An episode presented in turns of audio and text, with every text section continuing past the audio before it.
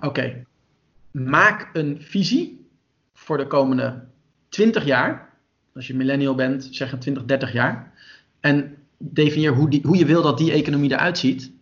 En ehm, richt je pad daarop in. Heel simpel. En doe niet te veel concessies.